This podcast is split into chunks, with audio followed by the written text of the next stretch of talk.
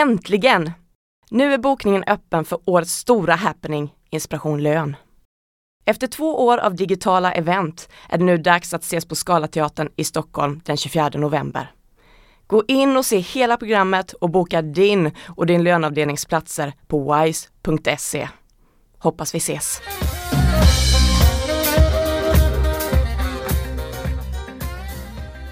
Hej och välkommen till Lönepodden.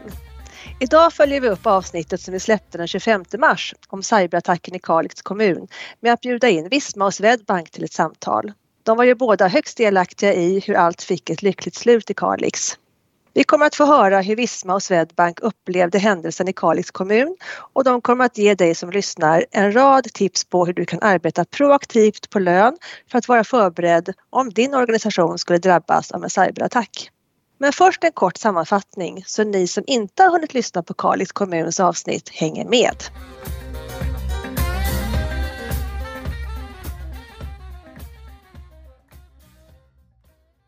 Torsdagen den 16 december 2021 drabbades alltså Kalix kommun av en cyberattack som nästan slog ut allt.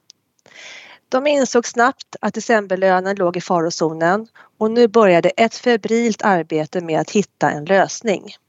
Det var systemförvaltaren och personalhandläggaren Sara Gam som tog fullt ägandeskap över situationen och som kom att tänka på backupen som gjordes dagligen. Men tänk om den också var krypterad? Men om den var ren, skulle det då vara möjligt att använda den? Efter en del om och men bekräftade Visma att det fanns en backup som skulle vara möjlig att använda. Men skulle de hinna? De hann Tack vare Swedbanks beredvillighet och att de gav extra tid för utbetalningen lyckades de till slut få ut lönerna i tid. Kalix kommun levde i en mardröm de här dagarna och lovordar både Visma och Swedbank för att de agerade så snabbt och såg till att lösa situationen. Det här avsnittet väckte en hel del uppmärksamhet och det är många som har fått upp ögonen för att det här faktiskt kan hända och att man behöver se över sin kontinuitetsplan och säkra upp rutinerna. Och med den summeringen så hälsar jag nu våra gäster välkomna. Annette Karphammar, supportspecialist på Swedbanks tekniksupport i Stockholm och Mikael Stevén, produkt och utvecklingschef för bland annat lönesystemet Visma Personic P som Kalix kommun har. Välkomna! Tack! Tack så mycket! Och min bisittare är idag Magnus Nilsson Fahlén, seniorkonsult på Knowit Insight. Välkommen till dig också Magnus! Och jag heter Katarina Sand och jag arbetar på Wise Professionals där vi bland annat hyr ut lönekonsulter och rekryterar lönekompetens. Och Lönepodden gör vi i samarbete med SRF-konsulterna och Knowit. Då till den obligatoriska första frågan. Hur kändes det? Hur upplevde ni cyberattacken i Kalix kommun på Visma och Swedbank? Jag tror vi börjar med eh, Mikael på Visma. Ja, alltså vi, blev ju vi, vi fick ju informationen från eh, vår ansvariga Eh, säljare för, för just Kalix eh, som, som kallade ihop till ett, eh, ett väldigt eh, liksom, akut möte. Så, och vi samlade ihop oss ett ordentligt gäng där eh, och vi förstod ju ganska så snabbt att det här, eh, det här är ju riktigt allvarligt. Att det är så många personer som eventuellt kan stå utan lön eller felaktig lön till, till jullönen så att vi fick ju, vi, vi funderade ju rejält på våran sida hur vi kunde hjälpa Kalix och vi, jag upplevde att vi hade en väldigt stor liksom, sense of urgency. Eh, där man ska tillägga att detta var ändå i, i en av våra intensivaste perioder eh, under året så att eh, men jag upplevde att, att alla verkligen ställde upp och, och gjorde allt, allt vad vi kunde för att hjälpa Kalix ur, ur den här krissituationen. Hade ni varit med om det här tidigare? Med cyberattack hos en kund? Eh, nej, inte, inte, inte på det viset. Nej, har vi inte varit med om tidigare. Det som var viktigt för oss i, i det här. Eh, vi, visste ju, vi visste ju att det rörde sig om en ransom-attack eh, och, och, det var ju viktigt för oss att säkerställa att, att när vi liksom fick databasen att, att inte den eh, hade med sig några, eh, ja, att, den, att den var utsatt på något sätt, på, eh, var komprometterad på något sätt så att det skulle kunna påverka våra system. Så att, så att vi, vi tog med den och lät vårt specialistteam eh, inom liksom Visma Security titta på den och, och som utesluta eventuella sådana inprogrammerade eh, delar då i, i databasen. Eh, och sen så för att vara extra säkra när vi satte upp den, eh, den här eh, miljö, i miljön då, så jo, satte vi den i, i en helt isolerad miljö eh, som inte skulle kunna påverka någonting annat. Men eh, jag måste ju säga att jag är väldigt stolt över, eh, över alla som, som är med i det här arbetet och, och den liksom sense of urgency som, som faktiskt eh, att, att vi liksom ställde upp så pass snabbt på så kort varsel. Ja, jättebra, tack. Och Annette, hur gick det till på Swedbank när ni fick reda på detta? Ja, men precis som eh, Mikael säger så man kände ju direkt att eh, förstå att det här är ju väldigt allvarligt. Det är ju löner som ska ut och det är inför jul och det är redan mycket som det är. Eh, så det vi försökte göra var ju att finnas tillgängliga så mycket vi kan, hjälpa till att bolla olika scenarier med Eh, med utbetalaren för att se vad som är möjligt och inte. Vilka tidpunkter har vi förhålla oss till och på vilket sätt kan vi ställa upp med eh, både information och, och ändringar och mm, eventuella ja, reservrutiner eller planer kring, eh, kring då hur kan man få iväg filen på ett annat sätt än vanligtvis om inte det funkar. Och det var ju många telefonsamtal och sms från Saras privata telefon vet jag till er där under helgen och det var ju alltså det var ju en väldigt intensiv dialog för att få till allt detta. Men ni lyckades till slut. Då är den brinnande frågan här nu då. Det är så aktuellt med cyberattacker nu. Det är inte frågan om om utan kanske när man, ska bli, man, man skulle kunna bli utsatt för en cyberattack. Eh, så då skulle jag ju vilja att vi pratade nu om hur kan man jobba proaktivt på en löneavdelning med de här sakerna?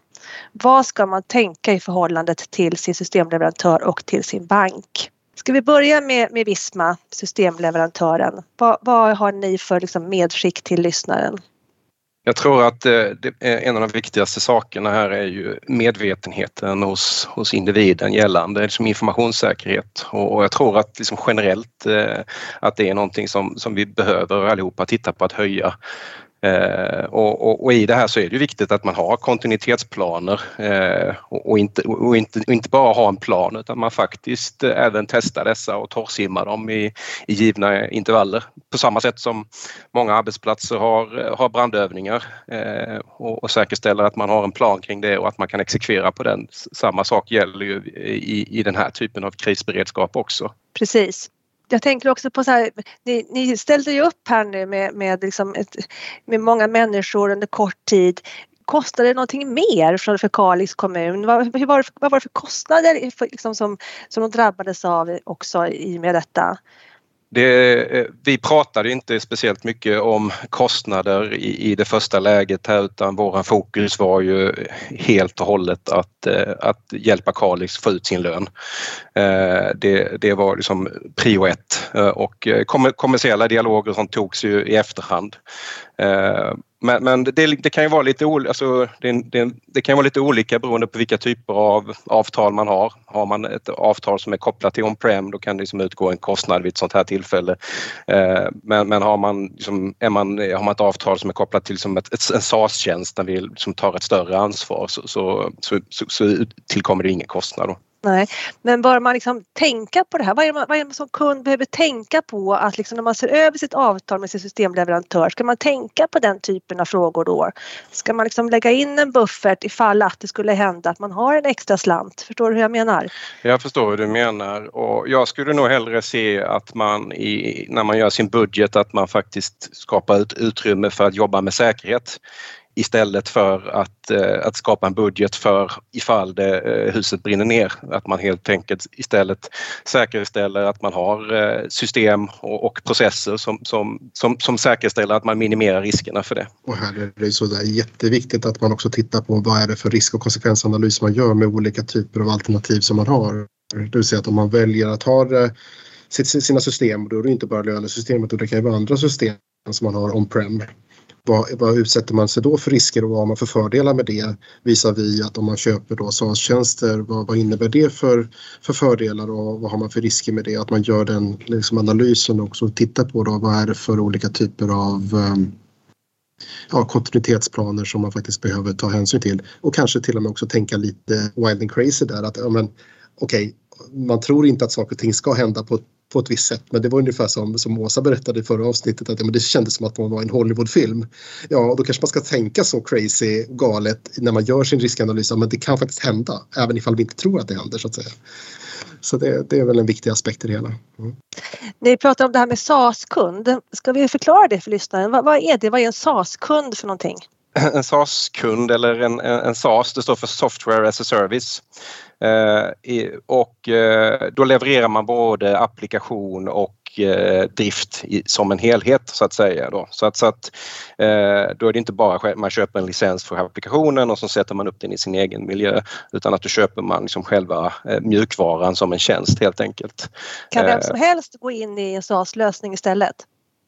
Ja absolut. Mm. Det beror på lite grann vilka avtal och sånt man har men det, det kan man absolut göra. Välja och är det att föredra nu i de här liksom, osäkra tiderna att vara en SAS-kund istället? Eh, jag skulle väl säga det eftersom att för då har vi ju möjligheter att, eh, att ta på oss ett större ansvar och säkerhet, säkerhetsställa säkerheten. Eh, och eh, om man tittar på liksom hur marknaden går generellt eh, kring det här så rör sig det mesta åt det här hållet. Och offentlig sektor ligger lite bakom men privata sektorn har ju till mångt och mycket redan har gjort den här resan. Okej. Okay. Men och som kund då, hur vet man liksom att, att ni har allting säkrat hos er? Alltså, vad har ni för säkerhetsgarantier i er tur? Och era underkonsulter? Visma använder sig av ett ganska så eh, eh rigoröst eh, eh vet det, säkerhetsprogram eh, som vi eh, jobbar ganska så liksom intensivt kopplat till våra, våra tjänster och eh, våra system. Och det, det, omfattar ganska så mycket och det är till exempel så, så omfattar det som en kontinuerlig och automatiserad identifiering av säkerhetsbrister i våra faktiska källkod. Eh, vi utsätter våra eh, system för kontinuerliga penetrationstester från vårt centrala säkerhetsteam. Vi gör bevakning av externa hot eh, på till exempel Darknet som, som riktas mot, mot oss eller mot våra kunder för att fånga upp eventuella risker kopplat till det. Sen, sen, i vissa fall så bjuder vi även in liksom externa eh, hackare att faktiskt hacka oss eh, och, och, hitta de här säkerhetshålen och, så att vi kan åtgärda dem och så, så får de här eh, personerna en, en kickback på det. Då.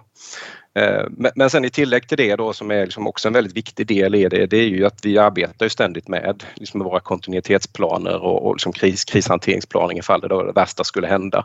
Eh, så att vi har redundans och kan återställa snabbt ifall eh, vi skulle behöva göra det. Och sen är det också viktigt då med kopplat till som informationssäkerhet generellt och, och, och medvetenhet kring det när man, när man arbetar med persondata, när man arbetar med känsliga känslig data som lönesystem faktiskt mycket gör då med bankfiler och annat. Att man, att man har den medvetenheten med sig, att man vågar ställa frågor eh, och, och, och, att man eh, hela tiden liksom, eh, anpassar, eh, anpassar sig efter ny, ny världsbild och nya hot. Och säkerhet tar ju aldrig Eh, säkerhetsarbetet tar ju aldrig slut. Utan det... Nej. Och ni verkar verkligen ha koll på läget då och ni är en stor aktör. Eh, Magnus, du som har liksom känner många systemleverantörer. Är det så här, du tror att de flesta jobbar med säkerhet? Kan man lita på det som kund eller vad går liksom ens ansvar på löneavdelningen att säkra upp att systemleverantören har koll på de här grejerna? Ja, men det här är, jätte, det är en jätteintressant fråga och jag, jag, jag håller fast vid det som Mikael säger också att ja, men alltså, seriösa systemleverantörer jobbar ju med, med det här ramverket, säkerhetsramverket som, som, som Visma gör och många andra seriösa aktörer gör ju också alltså, samma aktiviteter och kan liksom leda i bevis att man, att man gör de här sakerna på, på det sättet. Så, så därvidlag så finns det nog liksom eh, det finns ju vissa kunder som säger att, att lägga det i en SAS-lösning känns ju faktiskt säkrare då eftersom det säkerhetsarbetet som den leverantören då eh, utför och genomför är ju då mer kom, Eh, komplett än vad vi själva kan faktiskt uppbringa på, på egen kammare. Eh, så. Och sen så finns det ju andra kunder då, till exempel eh, vissa myndigheter som, som inte kan av olika anledningar lägga det i, i en SAS-tjänst för att men det finns annan lagstiftning som omöjliggör det. Så måste de ha egen förmåga att, att koppla det till detta. Men egentligen så är det så att ja, men det ska, data ska ju herberas antingen hos sig själv eller hos någon annan och så ska säkerhetsföreskrifterna finnas och, och säkerhetsarbetet. Men det som man ska tänka på som kund det är ju att oavsett var du lagrar datat någonstans så har du fortfarande som kund ansvar för datat. Du är ju dataägare och någon annan är ju dataprocessor ehm, då eller vad man ska säga. Och, och, och utföra det på så sätt. Och, och därvidlag så måste man ju också verkligen som kund eh, ha förmågan att kunna ställa rätt frågor till olika leverantörer och intressenter och i, i det här fallet så behöver ju då en, en kund ställa frågorna till Visma och Swedbank. Ja, men hur, hur arbetar ni med de här sakerna? Och förstå ifall det här liksom är good enough eller inte och förstå liksom hela flödet. För flödet har man fortfarande ansvar för även ifall man lägger ut det på någon annan. Och det tror jag är kanske den viktigaste lärdomen i det här att det går liksom inte att gömma sig bakom någon utan det är vi som faktiskt måste ta ansvar som kund i det här. Eh, och sen att vi då som löser det på andra sätt, det, det, är en sak men vi måste fortfarande ta ansvar för det och förstå hur hela flödet är. Och då måste liksom alla aktörer i den här kedjan måste förklara och vara transparenta mot varandra vad vi gör och vilka beroenden vi har sen till andra så att man kan då liksom hitta de här luckorna ifall det finns några luckor och så att man också är medvetna om då vilka risker man faktiskt tar med det ena eller andra alternativet. Mm. Det är lite som att man måste vara liksom frisk för att vara sjuk.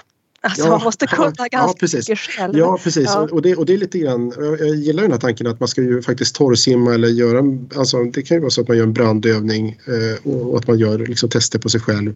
Och det är ju som att gå till läkaren fast man med hälsokontroll fast och allting är bra. Ja men vad skönt, vad, vad fint. Och skulle man gå till läkaren och göra hälsokontroll och man inser att ja, men jag har högt blodtryck, ja men vad, vad bra att jag fick reda på det för då kanske jag kan åtgärda det då. Så det, det, det är ju den liksom testandet och där har vi nog varit lite så naiva i vårt sätt att se på eh, vår egen digitalisering och effekter av det. För att det blir så lätt att säga att ja, men det blir så effektivt när vi digitaliserar och, och så vidare. Och samtidigt så blir vi också desto mer sårbara. Men det har ju gått så snabbt också digitalisering, robotisering, det har ju gått i, i raketfart. Så att nu blir det väl lite liksom, kranka efter, liksom, eftertänksamheten här nu då. Mm. Men Mikael, bara en sista fråga innan vi går vidare till Swedbank. Ehm, det här var ju första gången som Visma råkade ut för en cyber, alltså var med om att en kund råkade ut för en cyberattack.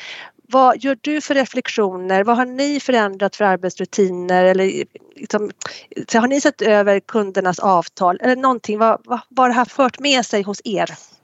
Vi har inte ändrat i, liksom, i våra rutiner hur, eh, avseende hur vi jobbar med säkerhet utan eh, där tycker vi att vi är, är på en bra nivå idag. Eh, det som, den reflektionen som jag har gjort det är ju att eh, hur hur, hur, hur känsligt liksom, och utsatt en mindre kommun kan vara i, i, i en väldigt föränderlig värld där, där hotbilden allt mer ökar. Eh, och, och jag, jag, kan liksom ha förståelse för att det kan vara liksom utmanande att, att hänga med i det eh, och inte minst att liksom, säkerställa att man har kompetensen eh, inhouse för, för, att kunna jobba med de här delarna. För det, det, det, vi har ju ett läge idag där det är svårt att få tag på, på IT-folk generellt och säkerhetsspecialister eh, är ju inget undantag. Okej, tack. Så vidare till dig Anette på, på Swedbank. Vilket medskick vill du ge till lyssnaren utifrån bankperspektivet? Ja, det som jag rekommenderar är att man har en dialog med både sin bank och sin systemleverantör. Pratar igenom de här olika scenarierna. Vad har vi för alternativ? Vad händer om vi utsätts för en liknande eh, attack och inte kan få iväg vår fil? Ehm, då finns det ett alternativ att man laddar upp filen via filöverföringar i internetbanken. Och då är det ju att rekommendera att man testar det så att man ser att filöverföringen fungerar, att man har behöriga användare och att man vet hur man gör när man väl står där i den situationen att man måste få iväg den så vet man att det funkar och att användare vet eh, hur de ska agera för att få iväg filen. Eh, och där är det också bra att se att man kan få ut en sådan fil ifrån sitt löneprogram som går att ladda upp via internetbanken istället för att skickas direkt via en uppkoppling. Så att man ser att alla steg fungerar. Visst var det så att Kalix kommun de hade ett specifikt avtal eh, där de kunde skicka manuella filer. De hade det redan i sitt avtal och det gjorde det så mycket enklare. Om man inte har ett sådant specifikt avtal, ska man lägga till det då tycker du? Ja, ett sådant avtal är inte direkt kopplat till lönetjänsten utan det är en tjänst i internetbanken företag.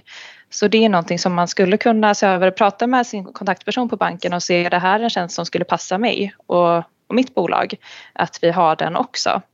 Eh, och i så fall, så om det passar kunden så kan man lägga upp den så att den finns där som ett alternativ och en möjlighet att använda ifall ens ordinarie sändningsväg inte fungerar. Okej, okay, jättebra. Eh, vad finns det mer att tänka på då som bankkund?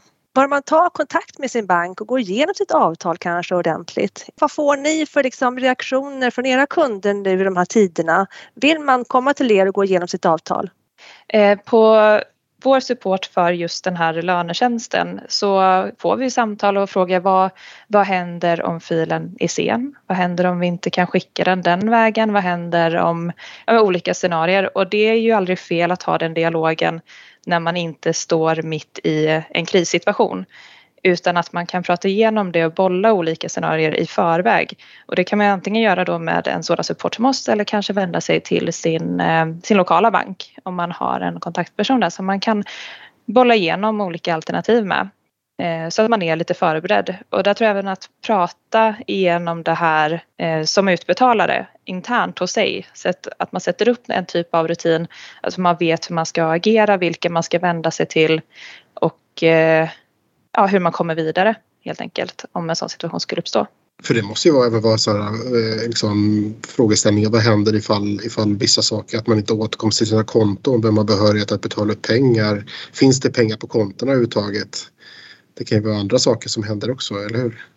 Ja, så att ha en dialog med sin, mm. sin bankkontakt. Mm. Eh, alltid bra. Mm. Och att göra de här testerna när man inte står mitt i en krissituation mm. Skulle jag återigen vilja rekommendera att man testar och ser så att allting fungerar. Jag tror att vi kommer se det mer och mer nu Katarina, eh, att, att det är fler som, som, som gör sådana här, eh, vi får kalla det för, för, för Mikaels torrsimning, Nej, men alltså, mm. sådana tester som, som gör att man tittar på olika scenarion och ser och att man också tar med sig flera olika intressenter och parter i hela kedjan för att säkerställa att det här inte händer. Och det är så att hela den här transparensen som Kalix kommun och ni har varit med och delat här är ju jätte, jättebra för att du, alltså det är ju, det är ju liksom löneavdelningar som har hört av sig både till, till, till WISE och till oss. De säger att okej, okay, nu ska vi titta på det här. Eh, och hur löser vi det? Så att vi har liksom säkrat upp att det här inte händer oss. Eh, så då. Oavsett ifall man har det liksom i egen drift eller om man köper en SaaS-tjänst. För det kan ju hända andra saker. Men det är framförallt så att man ska ju inte bara stirra sig blind på just det här ransomware-attack-caset utan det är ju verkligen att se att det kan finnas så många olika saker som faktiskt kan inträffa där vi är sårbara. Låt oss då se hur kan vi då minimera den risken på, på rätt sätt så, så, att vi inte hamnar i den här situationen eller i alla fall minska risken för att hamna där. Precis. Ehm, och Anette, har ni förändrat era arbetsrutiner någonting? Också är spännande att höra liksom era reflektioner efter attacken i, i Kalix. Har den lett till någon förändring på Swedbank? Våra rutiner ser eh, likadana ut men eh, det är klart att diskussionen har ju kommit upp lite oftare. Frågeställningarna har dykt upp eh, mer nu skulle jag säga. Så vi har ju pratat igenom det mycket mer både internt hos oss eh, men även med kunder. Och hur har det här liksom, har ni, ni har ju också fått, måste ju fått upp ögonen för, alltså för er egen kontinuitetsplan på Swedbank och Visma. Om det skulle hända er någonting, är ni väl förberedda? Mikael? Ja, det, det, det, skulle jag väl säga att vi är. Sen, sen är det ju med, med de här sakerna att man är ju aldrig färdig utan eh, det här är ju någonting som man behöver eh, jobba med kontinuerligt eh, och, och, och det, det, är mycket baserat på en riskbaserad approach. Eh, titta på vilka risker vi har, hur, hur hanterar vi dem, hur löser vi dem? Och så kan man tänka sig att hackarna kanske också gör på olika sätt. De gör inte på samma sätt varje gång utan de utvecklar också sitt sätt att attackera kanske som kan påverka. Absolut, och de kommer ju testa liksom, nya saker hela tiden för det är ju deras levebröd. Liksom. Så att det, det är inte så konstigt. Så det är, det är som vi har konstaterat här, det är ju liksom en match som aldrig tar slut. Det, det är en konstant förlängning på matchen. Så att det, det är tröstlöst på ett sätt och samtidigt så är det ju liksom priset vi faktiskt då får betala för att vi då eh, öppnar upp och digitaliserar och gör det liksom på, på något sätt då åtkomstbart. Precis. Eh, okej okay, hörni, vad finns det mer vi skulle kunna säga då som kan vara till nytta för de som lyssnar där ute som sitter på löneavdelningar? Man kan väl säga liksom in, inom säkerhet så, så, pratar man ju ofta att man, att man går från, från ägg till lök. eh, tidigare så la man ganska så mycket fokus på att, liksom, att ha ett hårt skal på utsidan som, som skyddade alla systemen men om, om det knäcktes så, så blev väldigt mycket exponerat. Eh, men däremot så har ju då löken många olika skal eh, och det är ju det man liksom uppnår då med, med, med liksom en högre nivå av säkerhet och, och, i de sammanhangen så är det väldigt viktigt att ha koll på sin behörighetsstruktur och att, liksom att man har en säkerhetsmedvetenhet genom hela organisationen. och har koll på sina risker. Eh, och, och, här finns ju ganska så bra verktyg man kan använda sig av då till exempel säkerhetscertifieringar som ISO 27001 och som ger väldigt bra verktyg och skapar medvetenhet och metoder för, då för att identifiera och följa upp risker. Eh, det är ju så idag att alla behöver arbeta med informationssäkerhet och inte bara säkerhetsexperter. Okej, okay, bra, tack. Och Anette, vad säger du? Har du någonting mer att tillägga? Ehm, ja men bara att eh, försök vara så förberedda som, eh, som möjligt så att man känner sig så trygg man kan i en otrygg situation. Att man vet hur man ska agera för att ändå ta sig igenom det. Jättebra, tack. Och Magnus? Ja, jag skulle bara vilja som ett sista medskick eh, säga det att eh, dels att man som vi nämnde tidigare att man ska bygga upp den egna förmågan att eh, kunna kontrollera hela flödet och sen att trycktesta det flödet när det inte är allvarligt läge. Okej, jättebra. Tack hörni. Då vill jag bara lyfta en sista sak här innan vi avslutar och det är att vårt stora löneevent Inspiration Lön går av stapeln den 24 november på Scalateatern och att vi idag den 25 maj öppnar bokningen. Eh, Inspiration Lön gör vi idag, i år i samarbete med SRF-konsulterna och även du Magnus är med eh, som ja. panel, eh, alltså ledare för paneldebatten på, under rubriken Tekniksprång, ja, visst, men hur långt har vi kommit egentligen? Eh, programmet hittar ni på wise.se och där, där ni gör er bokning också. Och är man auktoriserad lönekonsult så får man två aktualitetstimmar. Så att jag hoppas att vi ses där den 24 november. Gå in och boka. Vi har early bird-pris på ordinarie pris nu fram till den sista juni. Tack så mycket Mikael, Annette och Magnus för att ni kom till Lönepodden. Tack, tack. Tackar. Vi hörs igen. Hej då! Hej då! Hej då! Hej då!